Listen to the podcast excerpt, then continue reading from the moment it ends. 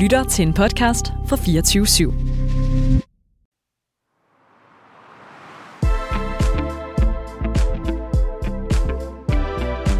Velkommen til Hjernesover, en podcastserie om migræne.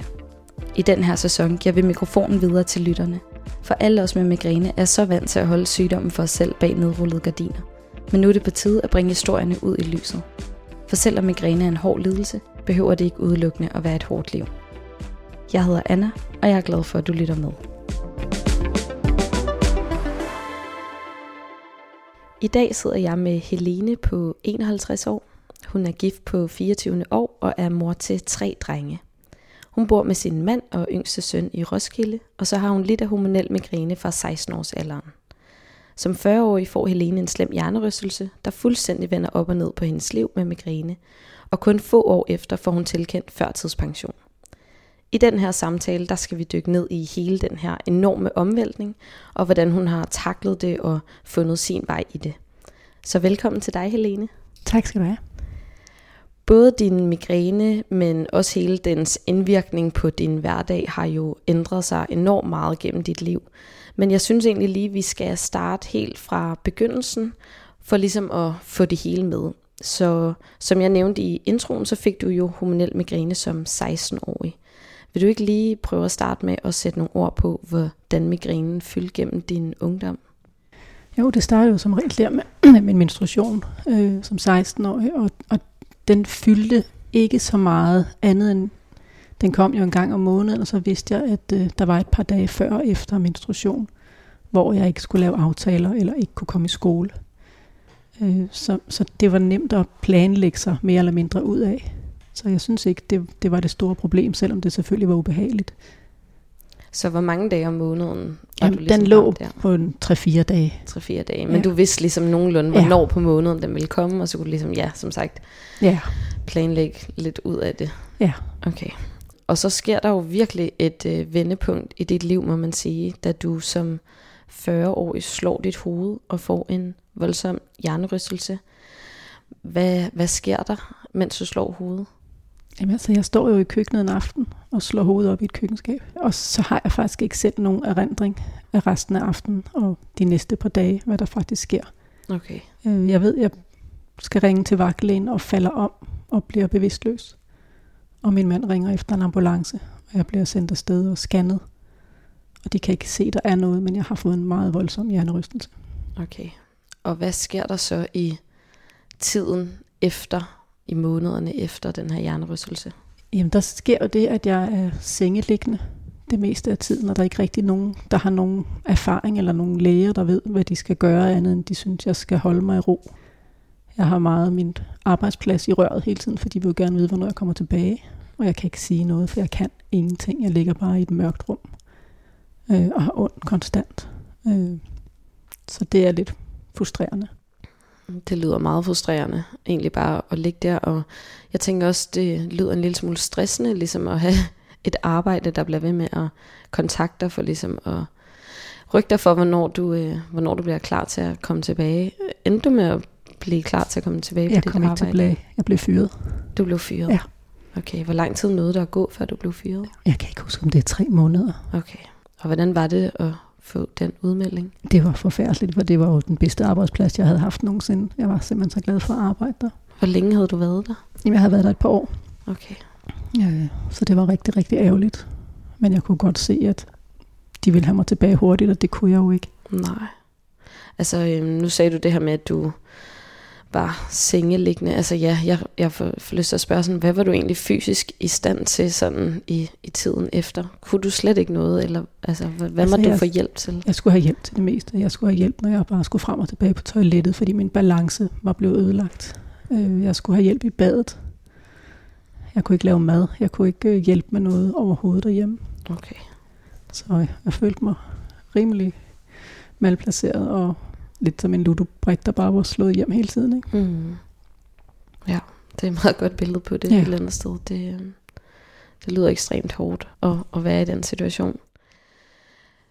Hvad sker der så i årene efter? Altså, er du i et forløb hos kommunen, eller er du i et forløb på hovedpinecentret, eller hvordan bliver der taget hånd om dig og den her hjernerystelse? Ja, det er jo kommunen, der går ind og tager over, når jeg bliver sygemeldt jo de har den teori, at man skal ud og i træningscentre tre gange om ugen. Øh, der skal jeg så møde op for at få mine sygedagpenge. Øh, det er sindssygt hårdt, for jeg kan jo ikke være i et træningscenter. Der er larm, og der er musik, der er lys. Der er, det er slet ikke til at holde ud. Øh, der er så heldigvis en, en sød, det må være en koordinator, en slags, jeg skal henvende mig til, hver gang jeg møder ind, at der er et lille stille rum i forbindelse med det her træningscenter, som jeg så kan gå over og være i øh, de dage, jeg kan. Og nogle dage møder jeg bare op og siger, at jeg har været der, og så kører jeg hjem igen, eller går hjem, ikke? fordi jeg kunne heller ikke køre bil. Så øh, det var sindssygt hårdt, synes jeg, at der var ikke nogen, der vidste, hvad der skulle gøres for den her hjernerystelse, om det blev værre eller det blev bedre, men det blev bare konstant værre. Okay. Ej. Hvordan kan det være, altså ved du hvorfor, at du skulle møde op i det her træningscenter for at få de her syge dagpenge? Var det fordi kommunen havde en eller anden teori om, at det kunne hjælpe din hjernerystelse, eller handlede det om at se, hvad du fysisk var i stand til, eller ved du hvorfor? Jeg ved ikke rigtig hvorfor, det bare var en del af deres plan, når man er sygemeldt, så vil de have folk i gang og ud af huset, og det kan jeg også godt se til en vis grad, det er jo også rigtig fint. Men øh, jeg havde da håbet, at de havde fundet noget, der passede lidt bedre til min tilstand. Mm-hmm. Fortalte du dem, at du var udfordret med at skulle? Ja, meget. Rigtig meget. Okay, og hvordan reagerede de på det? Jamen, de kunne ikke gøre så meget, fordi dem, der var i træningscenteret, det var jo ikke dem fra kommunen. Det var jo nogen, der var ligesom ansat mm-hmm. udefra. Et eller andet, jeg tror, det hed Phoenix, som så stod for den her træning og snak med mig. Og, og hvad med kommunen? Fortalte du dem, at du var helt vildt udfordret ja, at skulle møde op? Det, det gjorde jeg, men jeg synes ikke, der var den store, hvad hedder så noget, at de hørte på, hvad jeg sagde. Så, men jeg fik god hjælp af min fagforening. Øh, de begyndte at tage med til alle møderne på kommunen. Hvad betød det for dig, at de kunne tage med? Jamen det betød bare, at jeg ikke skulle være der alene, også fordi jeg havde mistet min måde. Jeg kunne ikke læse, jeg kunne ikke skrive, jeg kunne ikke øh, få, få noget til at hænge sammen, når jeg skulle lytte efter, hvad de sagde. Så var det rart, der var nogen, der tog over og, og kunne gøre de ting for mig. Det giver, det giver rigtig god mening. Wow. Jeg tænker, det skal være sådan, ikke? Altså, det er jo helt forfærdeligt, at man så meget skal kæmpe sin egen sag i en situation, hvor man overhovedet ikke er i stand til det. Ja, man er dårlig i stand til at stå op, ikke? Jo. Ja. Kan du huske sådan, hvor meget det fyldte det her med, at du skulle være på kommunen og hele tiden på en eller anden måde skulle forholde dig til, hvad du var i stand til, i stedet for måske bare at fokusere på at få det bedre? Jeg synes, det var stressende. Altså, jeg følte mig lidt som jade vildt, fordi jeg vidste jo aldrig, hvornår de sendte beskeder, eller hvornår de ringede. Der var jo ikke nogen faste dage, hvor man tænker, okay, i dag der kan jeg ligge, men der ved at der er ikke nogen, der kontakter mig. Men sådan har det jo ikke været i mange år. Øh, det synes jeg var hårdt. At øh, det kunne være rart, hvis der havde været en fast dag eller to, tre om ugen, hvor man vidste, at i dag ringer de. Så de andre dage ligesom var fredet. Mm.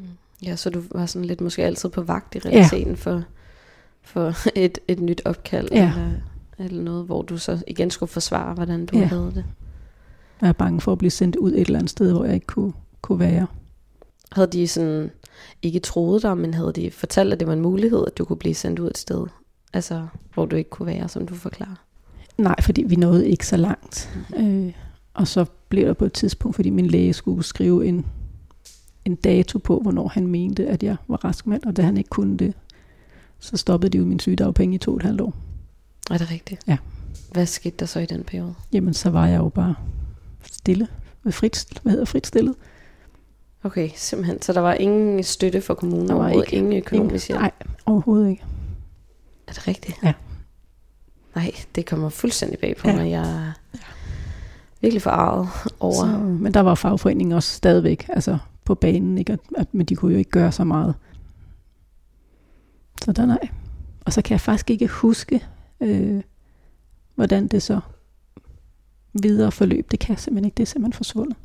Altså det videre forløb, sådan efter du var blevet afsluttet ja, hos øh, ja. kommunen? Okay. Så lad os lige vende lidt tilbage til, altså du får den her hjernerystelse, og du er i det her forløb hos kommunen. Hvad gør lægerne? Hvad gør neurologerne? Er du ude på Dansk Hovedpinecenter? Altså du siger jo, du bliver scannet efter hjernerystelsen, men hvordan er forløbet på den front efterfølgende? Jamen jeg synes egentlig, at forløbet på den lægelige side har været super godt, fordi jeg blev undersøgt for alt. Om det var hjertefejl, fordi jeg blev ved med at falde om, øh, og fik sådan nogle blackout, hvor jeg fik nye hjernerystelser. Og jeg blev undersøgt for epilepsi, og jeg blev så også henvist til hovedpineklinikken i Glostrup. Okay. Og jeg tror, der gik halvandet år, før jeg kom til. Og der har de jo også været super, super søde, men, men det de gerne ville hjælpe mig med, det var jo medicinsk. Mm. Øh, og der, der var ikke, jeg tror, jeg prøvede 15 forskellige præparater. Hvis de har så mange, kan jeg ikke huske det. Jeg synes, det var helt vildt. ja. Der er, mange, ja, der, der er en lang liste, ja. man, øh, man nogle gange kan føle, de bare sidder og krydser af, ja. og ligesom skal igennem. Ja, øh, men jeg, jeg følte, at, at de gjorde, hvad de kunne. Okay. Og der fik jeg sådan et eller andet øh, forløb ind også i sådan noget gruppeterapi mm. med en psykolog, som jeg synes var super, super godt. Det var faktisk det, jeg synes, jeg bedst kunne bruge til noget af det hele. Også fordi medicinen jo ikke virkede. Mm. Hvad fik du ud af at gå der? Jamen jeg fik ud af det der med, at der var andre, mm. der kunne forstå mig. Øh, jeg skulle ikke tænke så meget over, hvad jeg sagde, eller følte, fordi de andre kunne bare nikke og, og, og genkende det hele. Mm. At, hvor svært det var at være i, hvor svært det var at, at være mor. Mm. Det kan jeg virkelig godt forstå. Det med at være mor, tænker jeg, øh, vil lige vende tilbage til lidt senere, fordi først så synes jeg lige, vi skal dykke ned i, at du jo bliver enormt... Nå, nu kan jeg se, at du bliver lidt berørt. det er okay. Er det okay? Ja. Vi kan også dykke ned i det med at være mor med det samme, hvis du har lyst til at tale om det. Jeg tror, vi tager den om lidt. Vi tager den om lidt. det er okay. Okay, så ude på hovedpinecentret, der prøver du alle de her forskellige former for medicin, og går så samtidig det her øh, gruppeforløb. Hvor længe er du i forløb på hovedpinecentret, og ender du med at finde noget, der kan hjælpe dig? Nej, de afslutter mig desværre uden at kan hjælpe mig. Der er gået cirka tre år. Okay, og hvordan var det pludselig at stå med den udmelding, at de ikke kunne gøre noget? Jamen, jeg synes, det var hårdt. Øh, men jeg havde også et håb om, at der nok skulle komme noget øh, senere hen, som jeg tænkte på, der ville være til gavn for mig. Okay, så du, du følte ikke sådan 100% at alt håb var taget fra dig? Overhovedet ikke. Okay. Overhovedet ikke på det tidspunkt. Jeg tænkte på, at der skulle nok komme noget, fordi de, de havde noget undervejs. Så jeg tænkte på, at jeg bevarede håbet. Okay, så de havde, altså nogle neurologer havde fortalt ja. at sådan, vi er i gang med at udvikle noget ja. nyt, og vi tester og sådan noget. Okay. Altså, hvad, hvad gav det dig ligesom at holde fast i det der håb, tror du, på det tidspunkt? Jamen, det tror jeg bare, det, det gav mig noget, noget glæde på et eller andet plan, at, at, at selvfølgelig skulle der nok komme en løsning for mig også. Mm. Wow. Det er meget stærkt at kunne tænke det sådan, og ikke bare... Ja, jeg tænker, man kan ryge ned måske i et lidt sort hul, hvis man føler, man bliver opgivet på en eller anden måde. Så det der med, at der er et håb, det må være noget, der også er sådan en drivkraft til, at man bliver ved med at kæmpe ja. øhm, et eller andet sted. Du siger jo, at du gik i to og et halvt år, hvor I faktisk bare levede af din mands indtægt, fordi du var, jeg havde fået frataget din sygedagpenge. Ja. Men hvad så efter de her to og et halvt år, hvad er, det, hvad er det for en skifte, der sker der? Jamen jeg mener, vi får tilbudt, at vi kan låne til sådan et, hvad, man kan ikke huske, hvad det hedder. Kontanthjælpslån, tror jeg det hedder. Ja. Øh, men det sagde vi nej til, fordi de skulle betales tilbage, og vi havde jo ikke pengene. Nej. Øh, og så kan jeg ikke rigtig huske, hvad der så sker, for selvfølgelig er jeg blevet indkaldt til kommunen til videre forløb, at de tager op igen, hvad der nu skal ske med mig. Okay. Øh, og, og det er så et fysisk møde, de indkalder dig til? Det er et fysisk møde. Og hvem er til det her møde? Jamen det første møde, der er det, tror jeg bare, det er min sagsbehandler. Mm-hmm. Og det, øh, det er jo, at vi får snakket om, hvad vi skal, og hvad vi ikke skal. Og hun er meget inde på, at vi synes, det, eller, vi synes jo, det er svært rent økonomisk, og hun fortæller os, at vi kan jo sælge vores hus. Så kunne vi måske flytte i noget, der var billigere. Det mener vi så ikke er en løsning, fordi det er børnenes faste base, vi nu engang har, så vi sparer alt, hvad vi kan, og sælger alt. Vi sælger bil, vi sælger motorcykler, vi sælger alt, hvad vi overhovedet kan sælge for at, at kunne leve. Og så får vi rigtig stor hjælp af mine forældre. Øh, og, så, og så begynder de her små indkaldelser igen, hvad jeg kan huske med min sagsbehandler, hvor min fagforening så er med og hjælper mig undervejs. Og nogle gange stopper hun samtalerne, fordi hun synes, at sagsbehandlerne på kommunen er alt for hårde ved mig. Er det rigtigt? Øh, så hun vil gerne have, at hun får noget mere på skrift, inden vi møder op, så hun ved, hvad det er, de vil gennemgå med mig.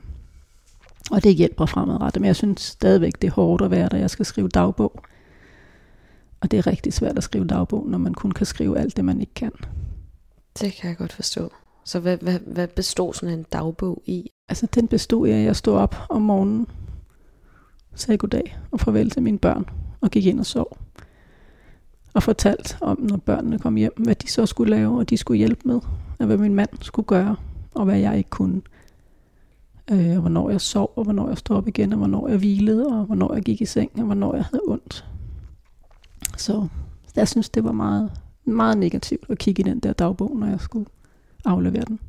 Det kan jeg virkelig godt forstå. Det bliver også meget sort på hvidt Ja. på en eller anden måde, at man pludselig ser sådan, okay, nu er det her bare mit liv, der primært består i egentlig bare måske at være i en venteposition til, at din mand og dine børn kommer hjem, men også ja, bare ligge og hvile der egentlig, for ja. at kunne samle nogle kræfter. Skulle de simpelthen bruge det til at vurdere, hvor ude af stand du var til at varetage et arbejde, eller ved du, hvad de ligesom skulle bruge den her dagbog til? Ja, ja det, det tror jeg, det er nu, fordi jeg kan jo godt se i bagspejlet, hvad det var, hun ville, Mm. øh, og hvad hun ville have mig ud i, for jeg synes jo, hun pressede mig alt for hårdt. Mm. Øh, men jeg tror, det er det, der har været meningen for at finde ud af, hvad jeg reelt kunne og ikke Mm. kunne. Mm. Fordi du, du fortæller jo også, at du, udover at du har den her meget stille hverdag, hvor du ikke kan så meget, at du faktisk også går og falder om flere gange, og jo netop bliver tjekket for epilepsi. Var det også, fordi du blev presset gennem kommunen, eller hvordan, hvad, hvad skete der der? Ja, jeg tror, det har været en blanding over, så måske heller ikke at lytte ordentligt til sin egen krop. Mm. Øh, og jeg tænkte bare, nu skal jeg ikke finde mig, jeg ikke, ikke kan noget, så gjorde jeg måske bare noget, hvor jeg godt kunne mærke, at jeg nok skulle have ligget på sofaen. Mm. Så det er simpelthen bare i ren smerte, at din ja. krop simpelthen bare har sagt fra. Ja. Ved du, hvor mange gange du er faldet om? Altså, jeg har fået seks hjernerystelser efterfølgende, på grund af, at jeg er faldet om. Og så har jeg været faldet om, hvor jeg ikke har slået mig voldsomt, og det har jeg ikke talt på. Hold nu op. Seks hjernerystelser oven i den, du har. Ja. Fordi du på, altså, på alle mulige måder har været presset, om det så har været af dig selv eller af kommunen, der har presset dig op i et træningscenter, du ikke kunne være i og sådan nogle ting. Ja. Det er jo, det lyder så forfærdeligt. Altså, tænk bare, ja. Hold nu op, jeg får sådan en helt klump i maven, men jeg synes bare, det er helt vildt voldsomt. Det er jo i hvert fald ikke måden, man kommer sig oven på den første hjernerystelse. Ej, jeg tænker også heldigvis, at de er nået længere i hjernerystelsesforskningen, tænker jeg. At, Ja, for søren. Ja. Okay.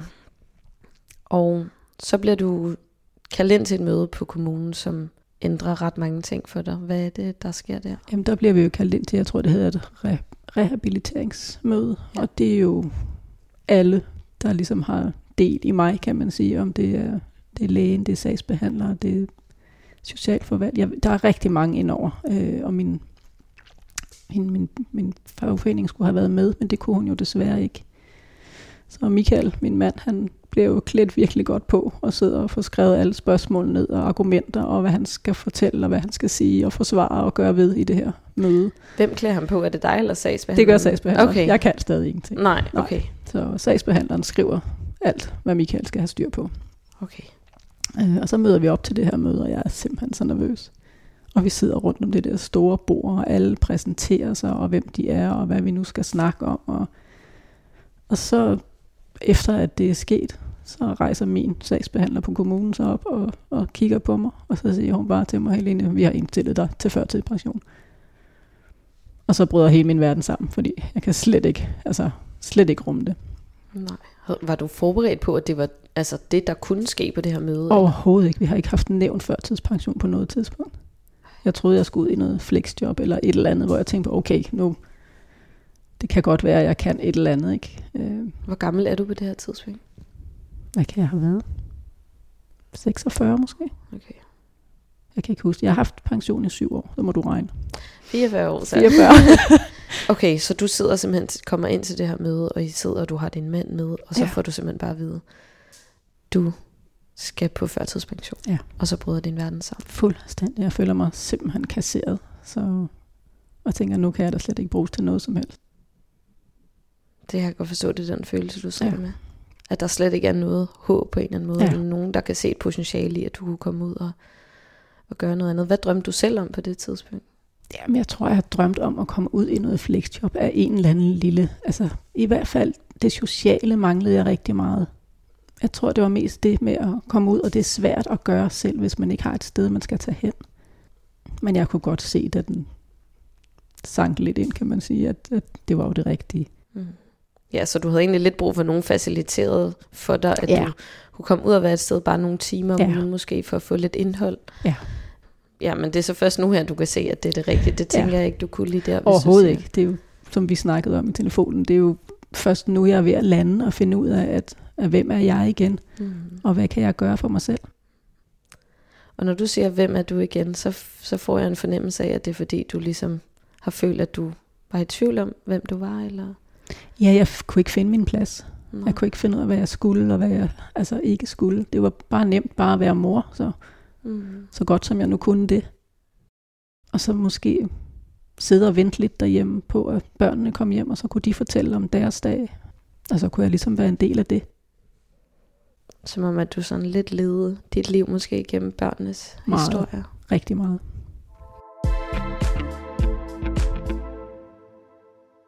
Hvad gav det dig, at din mand tog med på det her møde, og ligesom havde hans støtte? Der? Jamen, det, det giver jo alt. Altså, han er der og gør alt, hvad han overhovedet kan, ikke? Mm. Øh, og kæmper min kamp på en eller anden måde. Det er jo, det er jo en kæmpe kærlighedserklæring. ja, det lyder som en fantastisk ja. mand. Og måske, altså det, på en eller anden måde er det jo helt vildt uheldigt, at din sagsbehandler for fagforeningen ikke har kunne deltage, men på den anden side tænker jeg også, at det måske kan have været meget rart, at han var med, og han hørte, hvad der blev sagt, og ligesom har været der i den situation, hvor din verden på en eller anden måde brød sammen, at han var vidne til det, og efterfølgende måske også har kunne støtte dig endnu mere, fordi han ligesom så, hvad der foregik, eller det er bare noget, jeg forestiller Nej, jeg tror altså. faktisk, du har ret. Jeg tror også, vi har haft snakket om det, at det måske var øh, heldig uheld, at mm. sagsbehandleren for, eller derfra for fagforeningen ikke kunne være med, at det var Michael, der var der. Mm. Og så tror jeg bare, at vi, vi er gode til at støtte hinanden, så det er jo det er godt. Det tænker jeg også er virkelig ja. vigtigt. Og hvordan, hvordan påvirkede det hele din familie, da du ligesom får tilkendt førtidspension? Jamen altså, jeg tror egentlig, at alle andre på nær mig fandt en ro. Fordi de tænkte, okay, nu er der ikke noget, der skal stresse hende mere. Nu, nu kan mor bare og hustru bare slappe af. Og det er de måske også ret i, hvis jeg bare kunne have fundet min plads lidt hurtigere. Ikke? At, at det var det, det skulle være. Så jeg tror egentlig, de synes, det var rart. For mig. Og hvordan synes du, det var? Jamen, jeg synes, det var forfærdeligt. Det, øh, jeg følte mig virkelig kasseret. Mm. Og så er det jo, jeg skal tænke på, at jeg selvfølgelig er meget andet end et arbejde, eller, men, men det har været svært, synes jeg. Handlede det om din identitet på en eller anden måde? Ja, det tror jeg. Altså, og så tror jeg bare, at jeg var super god til det, jeg lavede. Og jeg havde det simpelthen så godt med at stå op og gå på arbejde, og var vældigt. Altså, jeg synes, det var fedt. Der er ikke nogen, der klapper nogen på, eller en på skulderen derhjemme, mm. tænker jeg nogle gange, vel? Altså, og det tror jeg godt, jeg kunne savne mm. rigtig meget. Og hvad med, altså, din person, før du fik den her hjernerystelse? Altså, et var jo, at du var vældig på dit arbejde, men hvad, hvad var du ellers? Jamen, jeg tror bare, jeg var en meget glad og meget udadvendt og meget social person. Og det vendte jo fuldstændig 180 grader. Mm. Så det var faktisk ikke kun arbejdet, det var også alle de andre ting. Altså alle de byggeklodser, du måske føler har formet dig på en eller anden måde, som pludselig faldt fra hinanden. Ja. Hvordan har det så været i de her år, hvor når I for eksempel har skudt nogle sociale ting i din familie, og, og du så pludselig har fået migræne, har I haft nogle særlige aftaler om, hvordan I skulle gribe det? Jamen, jeg tror ikke, vi fik aftalt det så meget. Vi var nok lidt hurtigere til at aflyse alt, når jeg blev dårlig. Og det har jeg haft vildt dårlig samvittighed over. Fordi jeg lige pludselig ikke kunne noget, så gik det bare ud over alle andre. Så, øh, så fremadrettet, der er det jo bare, hvis jeg bliver dårlig, så må de andre alligevel tage afsted. Okay. Så jeg simpelthen ændrede det lidt der, ja. at, at nu så sender du dem afsted. Ja. Har du været glad for den beslutning? Ja, jeg får i hvert fald lidt mere ro i maven, synes jeg. At jeg ikke fratager dem noget. Øh, og så kan de trods alt komme hjem og fortælle mig lidt, om de har hygget sig.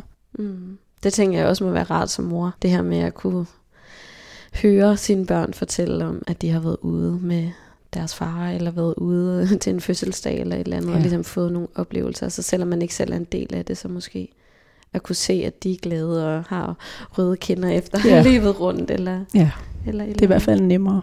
Det kan jeg godt forstå. Ja.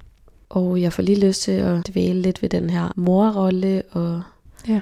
du siger ligesom, at, ja, at da du får den her førtidspension, at så kunne du på en eller anden måde være endnu mere mor, eller sådan det her med, at, at så er det måske, det du virkelig kunne nu, det var bare at være mor.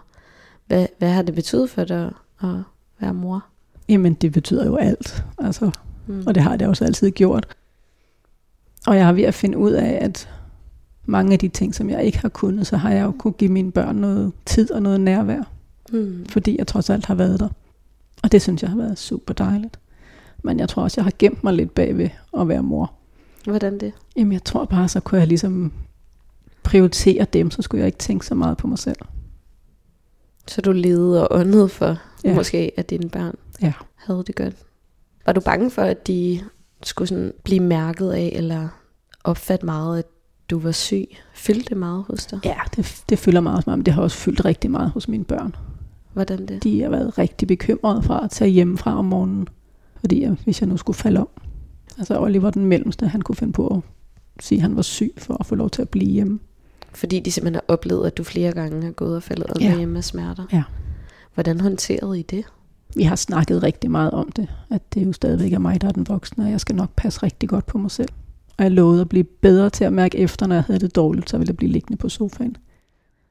Og det, det har, har jeg lovet dem, og det har jeg også gjort. Og jeg blev rigtig meget bedre til det. Men jeg tror stadigvæk, at de er bekymrede.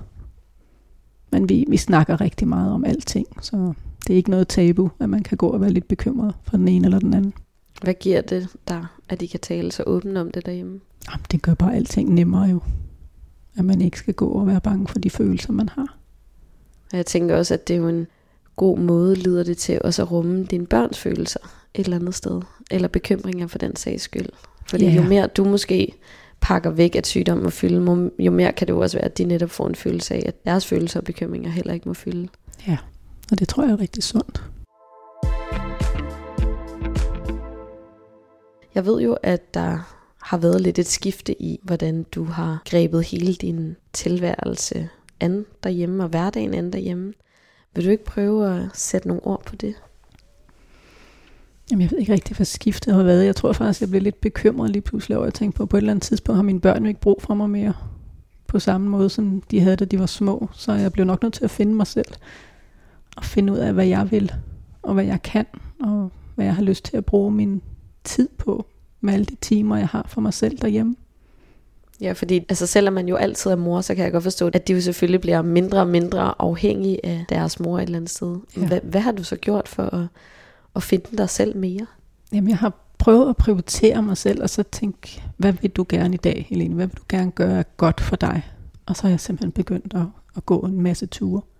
Og jeg har faktisk gjort det i mange år, men jeg er ligesom om, det er det, jeg prioriterer nu, forud for alt andet. Altså, så må det være en træt mor, de kommer hjem til, men en glad mor, fordi jeg har været ude og få nogle input og nogle indtryk, og gået tur med mit kamera, eller gået tur med en veninde, eller min nye vandremakker.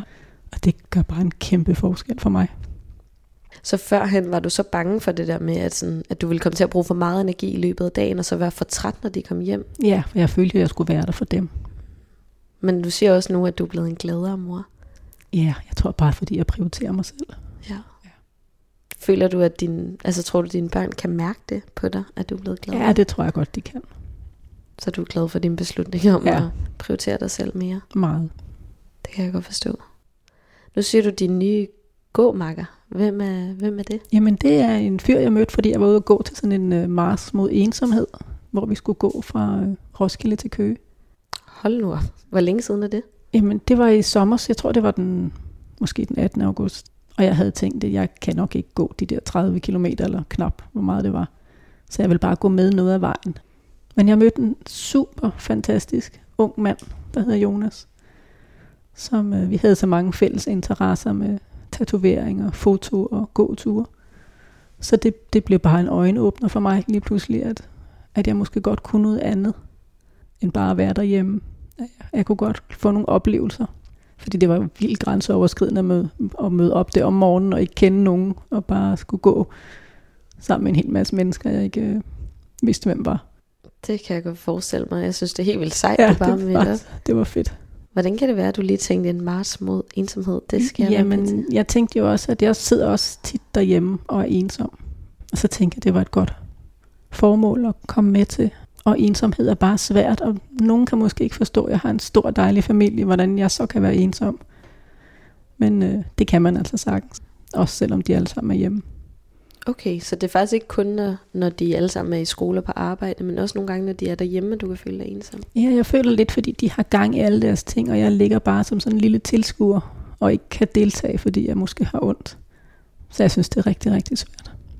Ja, den del havde jeg slet ikke tænkt på, at, at man også kan føle sig ensom, når der er folk omkring en, men det giver jo på en eller anden måde helt vildt god mening, fordi du måske ikke rigtig føler, at du kan deltage et eller andet sted. Altså Ja. sådan, Jeg er jo ikke med. nej. Jeg kigger bare på. Ja, det siger du også med at være en tilskuer. Ja. Okay. Så du tilmelder dig simpelthen, Jeg tilmelder mig selvom selv. det Ja. lyder som om det er lidt ud af din komfortzone. Ja. Og så møder du op der, og du kender ingen. Jeg kender ikke Og I skal nogen. gå 30 km, og du ved ikke, om du kan gå 30 km. Nej.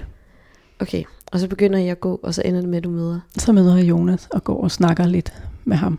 Øh, og finder ud af, at I har en masse fælles, fælles interesser. ja. Wow. Og så får vi taget nogle fælles billeder, og så aftaler vi, om ikke andet, så skal vi i hvert fald mødes til den her Mars igen næste år. Fordi det kunne være hyggeligt at se hinanden igen. Men så går der et stykke tid, og så skriver Jonas, som jeg ikke vil med ud og gå. Og det har vi så gjort nogle gange nu, og det har været super fedt Mm. at gå der og få nogle andre øjne på tilværelsen, og få noget anden snak med et andet menneske, som jeg også kan tage med hjem til min familie og, og dele mine oplevelser for en gang skyld. Det er rigtig, rigtig fedt. Det kan jeg virkelig godt forstå. At få nogle af de her lidt sociale input, men ja, også det her med, som du talte om før, at du meget måske har levet gennem dine børns historie, det der med, at du også nogle, selv får nogle historier at kunne fortælle Ja. og dele ud af. Og det giver jo også mod til noget. Også mod til at deltage her.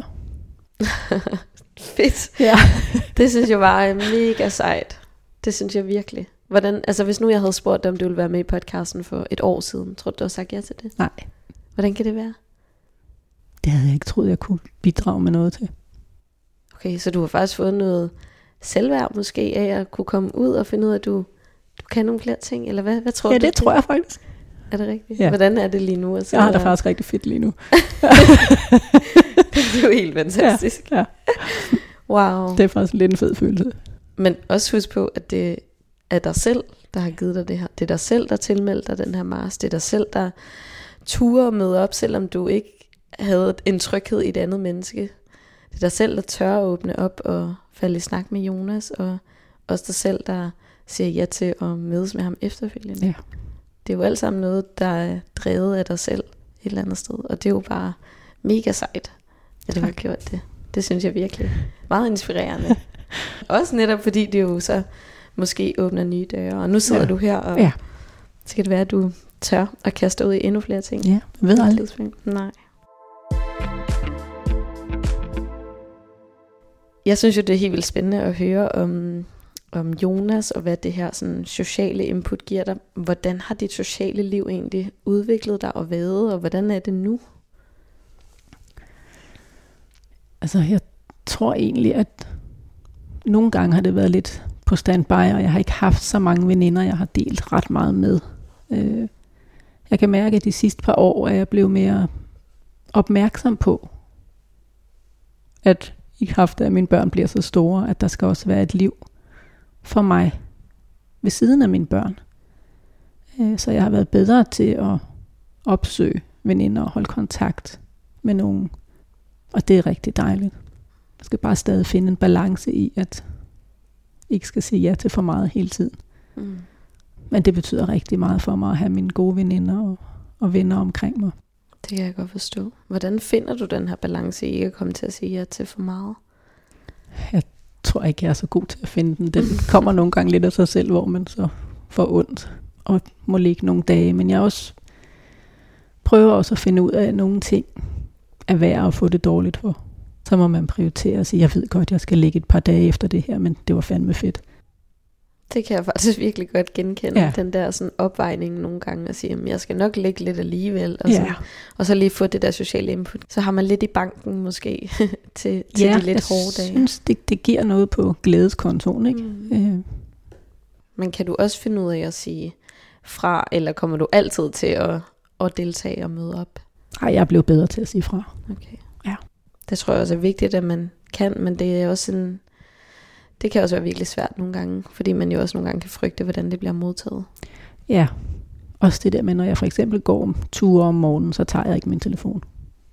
Okay. Det gør jeg ikke. Det er, Altså- min, det er min tid. Så hvis der er en veninde, der ringer, det Så tager jeg den ikke. Okay. Der er du simpelthen, der værner du Ja, helt vildt meget om. det gør. Det er simpelthen, det er der, du tanker op. Ja. Wow. Jeg kan godt finde på at skrive en besked, at jeg lige er god, jeg ringer senere. Jeg tager den ikke. Der er simpelthen bare, Der er lukket. der er lukket. der er, det er dig tid. Ja. Hvad så, når du møder nye mennesker? Altså nu har du for eksempel mødt Jonas, men jeg tænker også, at man jo nogle gange deltager i nogle sociale arrangementer, hvor man møder helt nye mennesker. Hvordan er det at møde nye mennesker og skulle fortælle om, hvem du er og hele din situation? Jeg synes, det har været forfærdeligt. Øh, I kraft af, at jeg ikke vidste, hvem jeg selv var mere, efter jeg blev førtidspensionist. Øh, fordi jeg synes altid, man spørger ind til, men hvad laver du så? Hvad arbejder du med? Altså, og så Mm. kan jeg jo bare sidde der og, ja, jeg laver så ikke noget. Mm. Øh, så jeg har fundet en helt anden indgangsvinkel på det, at øh, jeg, jeg spørger simpelthen ind til folks interesser, og fortæller, at jeg selv vandrer og har tit mit kamera med. Jeg kan også finde på at sidde og male derhjemme. Altså, og så synes jeg bare, det er meget nemmere at få en rigtig god snak, og man har mange flere fælles interesser, end når det er job. Så det, det, der er jeg virkelig landet et godt sted, tror jeg. Wow, det synes jeg er helt inspirerende at høre. Altså men en helt anden indgangsvinkel, som du også selv siger, det her med netop at se om, prøve at finde ud af, hvad det er for en person, du sidder overfor, som ikke kun er defineret af, hvad de arbejder med, men også hvad de går op i. Og ja, netop som du siger, så kan det også være, at man pludselig finder nogle fælles interesser. Ja. Hvad giver det dig at have de her små sådan, hobbyer og interesser? Jamen, det giver mig bare noget indhold. Altså, jeg synes, det er fedt, det der med, at jeg kan ud og fotografere. Altså, så kan jeg hjem de dage, hvor jeg kan sidde og redigere lidt på computeren. Jeg øh, elsker det. det. Det er simpelthen guld værd. Ja, det lyder som om, du både er glad for at fotografere og for at male. Var det Ja. også noget, du gjorde før? Ja, det gjorde jeg. Jeg kan sige, det eneste problem, jeg har med min fotografi, det er, at jeg kan ikke huske indstillingerne mere. Alt det, jeg kunne, det er simpelthen væk. Okay. Men jeg kan stadigvæk se de gode motiver. Jeg kan stadigvæk redigere mod hvad som helst. Og det bliver skide godt. Sådan. Ja. Så du lader dig ikke sådan totalt begrænse af, at du ikke kan huske det hele. Du Nej. tænker bare, "Nå, men så, det skal sådan nok er gå. det. Ja. Og det lyder også som om, altså jeg sidder bare og tænker, at det er jo måske også en eller anden måde, du holder fast i dig selv på. Ved at, at, at blive ved med at dyrke nogle af de interesser, du også havde før. Altså at du ikke ligesom har givet slip på den del, men ligesom bliver ved med at værne om det og dyrke det i hverdagen et eller andet sted. Ja, og så selvom jeg ikke kan gøre det på samme måde, så bliver det jo bare på en ny måde. Men, men det behøver jo ikke at blive dårligere af den grund. Det kan også godt være, at jeg ikke tegner lige så godt, som jeg gjorde før, men det er stadigvæk hyggeligt. Mm. Øh, og folk bliver stadig glade for min hjemmelavede julekort, ikke? Altså, så ja. Hvordan tror du, at det påvirker dine børn, at du ligesom er begyndt at prioritere dig selv mere og gøre flere ting for dig selv? Jeg tror, det er rigtig sundt, også fordi jeg giver lidt mere slip på dem, ikke? Så det tror jeg faktisk, det, det tror jeg meget godt for en 14-årig teenager, at moren ikke holder fast hele tiden. Så jeg, jeg tror altså, det er en fordel for os alle sammen. Og især det med, at jeg synes, det er godt, at jeg er træt, men jeg er altså mere glad. Jeg, jeg synes, det, det virker som om, at de, de er med på rejsen på en eller anden måde, ikke? Men måske også fordi du netop også prøver at involvere dem ved også at- at dele ud af, hvad det er, du oplever i din hverdag. Ja, og det tror jeg, jeg spørger jo også ind til dem, hvad de har lavet, så spørger de mig, og så for en gang skyld har jeg noget at dele, ikke? Det, det er dejligt. Det kan jeg godt forestille mig. Og du nævnte jo før det her med, lige da du var blevet øh, tilkendt førtidspension, og det her med, at, at tiden og nærværet, du trods alt havde, at det, det var du rigtig glad for, at du ligesom havde det at kunne give dine børn. Føler du stadig, du har det, også selvom at du nu er begyndt at prioritere dig selv mere? Ja, det synes jeg. Altså, jeg er trods alt hjemme de fleste dage, de kommer hjem fra skole. Ja, så det har ikke taget noget Nej. fra det. Det synes jeg Det ikke. har egentlig bare beriget dit liv, at Ja. du faktisk er begyndt at prioritere dig selv mere. Ja, det tror jeg. Er der noget konkret, der har gjort, at du har fået sådan en øjenåbner med sådan, okay, nu er det på tide, at jeg også prioriterer mig selv? Det kom så lidt efter, jeg var jo henvist til Glostrup Hovedpinecenter igen, og kom der ind. Og jeg havde jo sagt til min mand, det klarer jeg fint selv, det behøver du ikke, for jeg skal nok bare ind og have den der nye medicin, som bare er super top dollar. Og så blev jeg alligevel bekymret på vej derind og spurgte, om han ikke kunne møde op. Og han fandt sig ud af, at jeg lige kunne finde et, et hvad hedder sådan en lille afbræk i hans arbejdsdag, og var med derinde. Og vi havde en super god snak med hende lægen derinde, og det var fantastisk, og hun fortalte op og ned og alting om nye ting og hvad det skulle, og så skulle hun læne og snakke med en overlæge. Øh, og så kommer hun tilbage, og så kan jeg bare se på, at hun har fuldstændig ændret ansigtsudtryk. Og så siger hun bare, at jeg bliver nødt til at afslutte dig med det samme, Helene, for vi kan desværre ikke hjælpe dig. Hvordan kan det være? Jamen, det var fordi den, jeg kan ikke huske, hvad den hedder, den der nye medicin. Mås- måske er det CGRP-antistoffer, Ja, de her sprøjter. Øh, det var det. Og den havde så lille effekt, når jeg også havde mine kroniske hjernerystelser, når det ikke kun var mine migræner, så det ville de ikke afprøve på mig. Så der brød min verden sammen igen. Jeg tror aldrig, jeg har grædt så meget, som jeg gjorde den dag. Nej, for nu havde du lidt det her håb om, ej, Det, det var det der noget. håb, som jeg havde fået, da de afsluttede mig sidst. Jeg tænkte på, det, det er det, jeg skal. Øh, og jeg havde planlagt, hvem der kunne stikke mig, fordi jeg ikke selv kan lide nåle. Der var mange ting, jeg havde planlagt. Og så da jeg kom hjem og stadigvæk græd og græd og græd, så besluttede jeg mig for, okay Helene, nu græder du simpelthen hele dagen. Men i morgen, så står du op, og så er det en ny dag, og så må du simpelthen få det bedste ud af det, fordi det kan ikke nytte noget at være ked af noget, som der ikke er til gavn for nogen. Wow. Så jeg tror faktisk, det var lidt der, at det hele det vendte lidt. Og jeg tænkte på, at jeg kan jo ikke, hvad hedder sådan noget, tro på, at der er nogen, der kan gøre noget for mig. Så jeg bliver nødt til at gøre det selv. Det lyder som en enorm styrke. Og en drivkraft. Jeg synes i hvert fald, det, det var en øjenåbner. Jeg tænkte på, nu må jeg selv tage ansvar for mit liv, og så få det bedste ud af det. Altså. Og det var her tidligere på året. Ja. Og se, hvor langt du har Ja. rykket dig nu med march og alt det her. Ja. Det lyder som om, at øh, det var en virkelig god beslutning. ja, det tror jeg, jeg synes, jeg er et godt sted nu. På trods af alt, hvad der også følger med, så, Mm. Så skal vi også huske glæden. Det er virkelig fint, Ja. og det har du bare så ret i. Jeg tænker på, når man i hvert fald lider af migræne, så kan det jo nogle gange være svært at vide, hvornår man kan forskellige ting, og hvornår det rammer, og hvornår man er ramt. Og jeg tænker også, er det samme, når man døjer med hjernerystelse, at nogle dage er sikkert værre end andre. Ja. Synes du, at du er god til at leve i nuet? Jeg synes, jeg prøver. Men jeg synes også godt, det kan blive lidt forvirret over, at jeg synes, nu har jeg fundet ud af et eller andet, der måske trigger migrænerne. Og så prøver at undgå det, og så kommer de jo alligevel. Mm. Altså, så der er ikke noget hoved eller hale. Jeg synes heller ikke, at selvom jeg ligger og hviler en dag, fordi jeg skal noget dagen efter, jamen så kan jeg jo lige så godt få migræne. Men jeg synes, det kan være svært at planlægge, fordi det er så mange dage. Altså, det er vel de der minimum 15-18 dage om måneden, jeg har migræneanfald. Det er virkelig også mange. Det er mange, Mm. så øh, Så hvad så, når du vågner og har en god dag, eller du er hjemme en aften, og du har det godt, og børnene er der? Er du god til at udnytte de her jeg synes, jeg bliver bedre til at være i nuet, og være der også, hvis jeg står op og tænker, ej, den her dag er god, så ud og få gået nogle gode ture, mens jeg har det godt. I stedet for, som jeg måske gjorde for mange år siden, tænkte, ej, jeg må hellere blive liggende, for jeg får det nok dårligt. Så jeg, så jeg tror, jeg bliver bedre til at, at gribe det.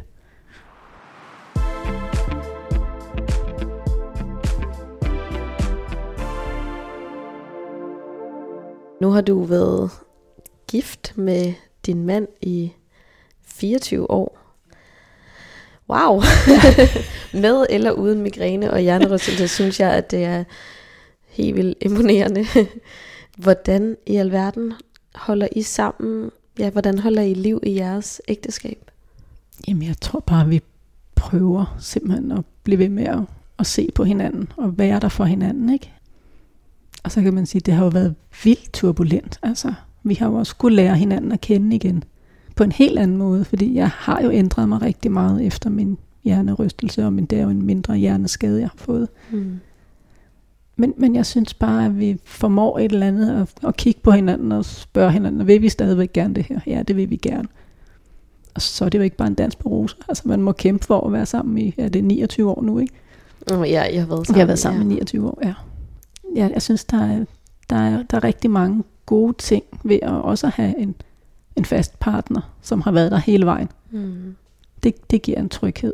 Øh, ja.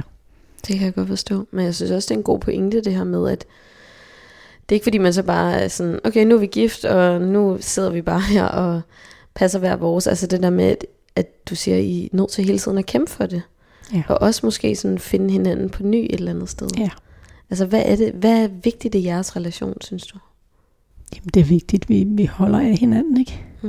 Øh, så vi griner altid, at vi holder ud, og vi holder ved, og vi holder om. Altså, Ja. jeg, jeg tror, det jeg holder af. Ja, det, øh, jeg ved ikke, det er svært at sige. Men jeg tror bare, det gør en forskel, at vi gerne vil det. Mm. Og også på de dårlige dage, ikke? Altså, når man bare har brug for at blive holdt om, selvom man ligger i mørke, Mm. så er der plads til det. Hvad giver det dig, hvis han kommer ind og holder om dig, mens du ligger der og har anfald? Jamen, jeg tror bare, at jeg føler mig set. Mm. Øh, og det er jo bare omsorg, ikke? Altså, Ja. Så det er faktisk ikke måske kun det her med at kommunikere og, og tale om tingene, som I lyder til at være gode til hjemme i din familie, men måske også det der nærvær og Ja. nærvær er rigtig vigtigt. Simpelthen. Berøring Berøring, også, ja, ja. Rigtig, ja. rigtig vigtigt. At man ikke øh, ligesom bare går fra hinanden på en eller anden måde øh, i hjemmet, men man stadigvæk er tætte, ikke? Mm. Ja. Det lyder som om, at I er gode til det, men det lyder som om, at det er noget, der skal arbejdes for og knokles for et eller andet sted. Ja. Mm.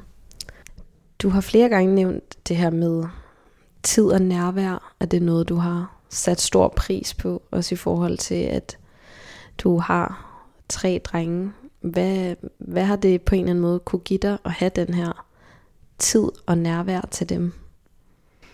Jeg tror, det har gjort en hel masse ved, at jeg ikke har været så bekymret for, at der var noget, jeg ikke kunne hele tiden, men så har jeg givet dem noget andet i stedet for. Altså jeg har givet dem virkelig min tid og min nærvær, når jeg så har været til stede. Så jeg tror ikke, andre forældre skal ikke være så bekymrede, fordi jeg tror, de får noget helt andet, som, som er så meget guld værd. Altså, jeg har haft svært ved, at jeg ikke kunne ret meget, men det gik op for mig en dag, da jeg gik med min lille søn i hånden på vej til børnehave, og vi gik og plukkede mælkebøtter til kaninerne i børnehaven. Og jeg tænkte bare, okay, hvem har tid til det her? Så det, det kom jeg bare til at nyde på en anden måde, eller kunne være med hver gang drengene skulle et eller andet. Også de store. Altså, når jeg har haft det godt, så er det jo bare med at komme afsted og, og, og være der. Øh, det, det, jeg tror ikke, at når jeg ser tilbage, at det bekymrer mig ikke, at de har mistet noget, for de har fået noget andet.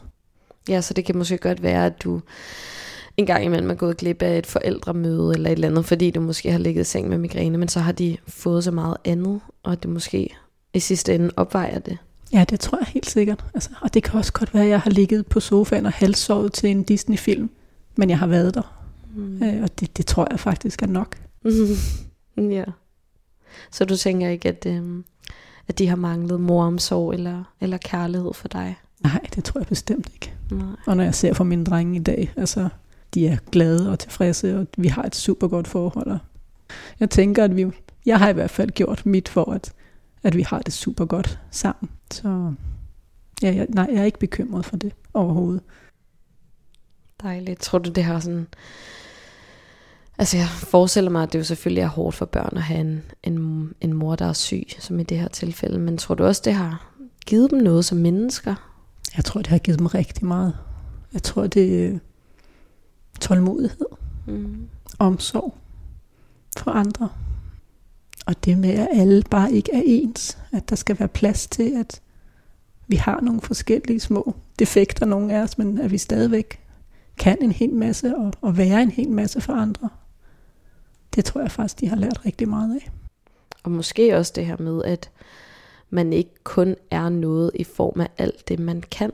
Eller sådan, at, at man kun kan have en... Altså, at ens identitet kun er, kun er bundet op på, at man, at man ligesom kan en masse ting og præsterer en masse, men at, at det også er nok, at man rummer mange andre ting. Ja, det tror jeg er rigtig, rigtig vigtigt. At man bare er til som menneske, at man bliver set for den, man er, og ikke alting, hvad man kan præstere. Mm. Ja. Du fortalte mig, at du øhm, havde været lidt frustreret over for en af dine sønner, og ligesom været frustreret over, at, øh, at der var nogle ting, du ikke kunne. Kan du huske, øh, hvad Ja, han det svarede? var, det, var, det var så Benjamin, han har ikke været særlig stor, jeg tror han har været seks år. Hvor jeg siger til ham, jeg var simpelthen så ked af, at der var mange ting, jeg ikke kunne. Jeg kunne ikke klatre i træer, jeg kunne ikke spille fodbold. Og så kigger han bare på mig og siger, men mor, du er simpelthen så god til kærlighed. Og så tænker jeg, okay, det, der, det er nok. Det er nok. ja. Ja, Så man kan godt være en god mor alligevel, selvom man har hjernerystelse, og Ja. selvom man har migræne. helt Der kan godt være masser af kærlighed i sådan et hjem alligevel. Ja. Dejligt. Hvordan har det været sådan at genbesøge nogle af de her forskellige stadier og perioder i dit liv? Jeg synes, det har været vildt hårdt, men også spændende, og både glædeligt og sørgeligt og trist. Altså, det, øh, men, men en ting er helt sikkert, det, det er sundt at se tilbage, tror jeg. Jeg kan også godt mærke, at, at jeg er virkelig berørt af det. Øh, mm. Men jeg, jeg er glad, og jeg er mega stolt af mig selv, fordi jeg synes, jeg er nået rigtig, rigtig langt. Og det tror jeg, der er en stor hjælp, at du har indbudt mig til at være her i dag, så jeg har snakket om det, for det ville jeg jo ikke have gjort. Mm. Så tak for det, Anna. Selv tak. Jeg er kun glad for, at du havde lyst til at dele en historie. Har du nogle gode råd til andre, som måske kunne sidde i den her situation, hvor næste step er at få tilkendt en førtidspension, og måske frygter det selv? Jeg tror bare ikke, de skal være så bange for det. For det ændrer jo ikke dem som menneske. Man er jo stadigvæk den, man er. Det tror jeg bare, man skal huske at have med. Hmm. Hmm. Jeg kan se, du lader det. Ja. ja. Var det noget, du selv havde brug for at høre, da du sad i den situation? Ja, det tror jeg faktisk godt kunne have været rart. Mm. Hvad tror du, det havde ændret for dig? Det kan godt være, at jeg ikke havde følt mig så kasseret måske. Jeg tror, jeg ville være hurtigere kommet unge på og have fundet mig selv. Mm. Ja. At der ikke så gå så mange år. Ja. Er der noget, du, øh, du går og drømmer om, eller du har lyst til, eller har fået mod på? Jeg vil gerne ud og vandre et eller andet tidspunkt. Jeg skal have lukket min mand med. Det, det må simpelthen helt klart være det, jeg gerne vil, når jeg synes, jeg tør lidt mere. Så en eller anden vandreferie et eller andet sted, det, det må simpelthen være, det må være det, jeg gerne vil fremad. Mm. Jeg kan huske, at vi to på et tidspunkt talte om, at du har overvejet at blive besøgsven. Ja, det har jeg. Er det stadig noget, du overvejer? Ja, det, det tror jeg gerne vil. Jeg skal bare lige lande lidt mere, tror jeg. Mm. Så jeg finder mig selv lidt mere, og måske bedre kan planlægge mine dage. Men jeg tror bare, det kunne være dejligt, at jeg måske kunne give noget for dem, der sidder måske også og er lidt ensomme. Jamen, jeg kan også mærke, at jeg bliver lidt nervøs over at snakke om det, for jeg tænker på en ting, hvis jeg ikke kan. Men hvad skulle du ikke kunne? Ja, det ved jeg heller ikke. Fordi du er meget sympatisk, og det lyder også som om, at du virkelig er et menneske, der rigtig gerne vil være noget for andre. Og det tænker jeg, at den evne, tror jeg, at der ikke nogen kan tage fra dig. Nej, det kan godt være, at den ikke forsvinder helt. Nej, men det kan være, at det kommer. Ja. Det, det tror jeg. Det vigtigste er jo lige nu også bare, at du måske giver plads til at lade dig selv drømme og have nogle af de her små håb for fremtiden. At der er noget, du har lyst til et eller andet sted at arbejde hen imod. Ja, og det, bare det synes jeg jo er stort, at det er kommet dertil, fordi det har ikke været så meget før, vel? Mm-hmm. Der er bare tænkt på, det kan jeg nok ikke. Nu er der begyndt at åbne mere op, for der er nogle flere muligheder. Mm. Så det er da en god følelse. Det kan jeg virkelig godt forstå. Ja.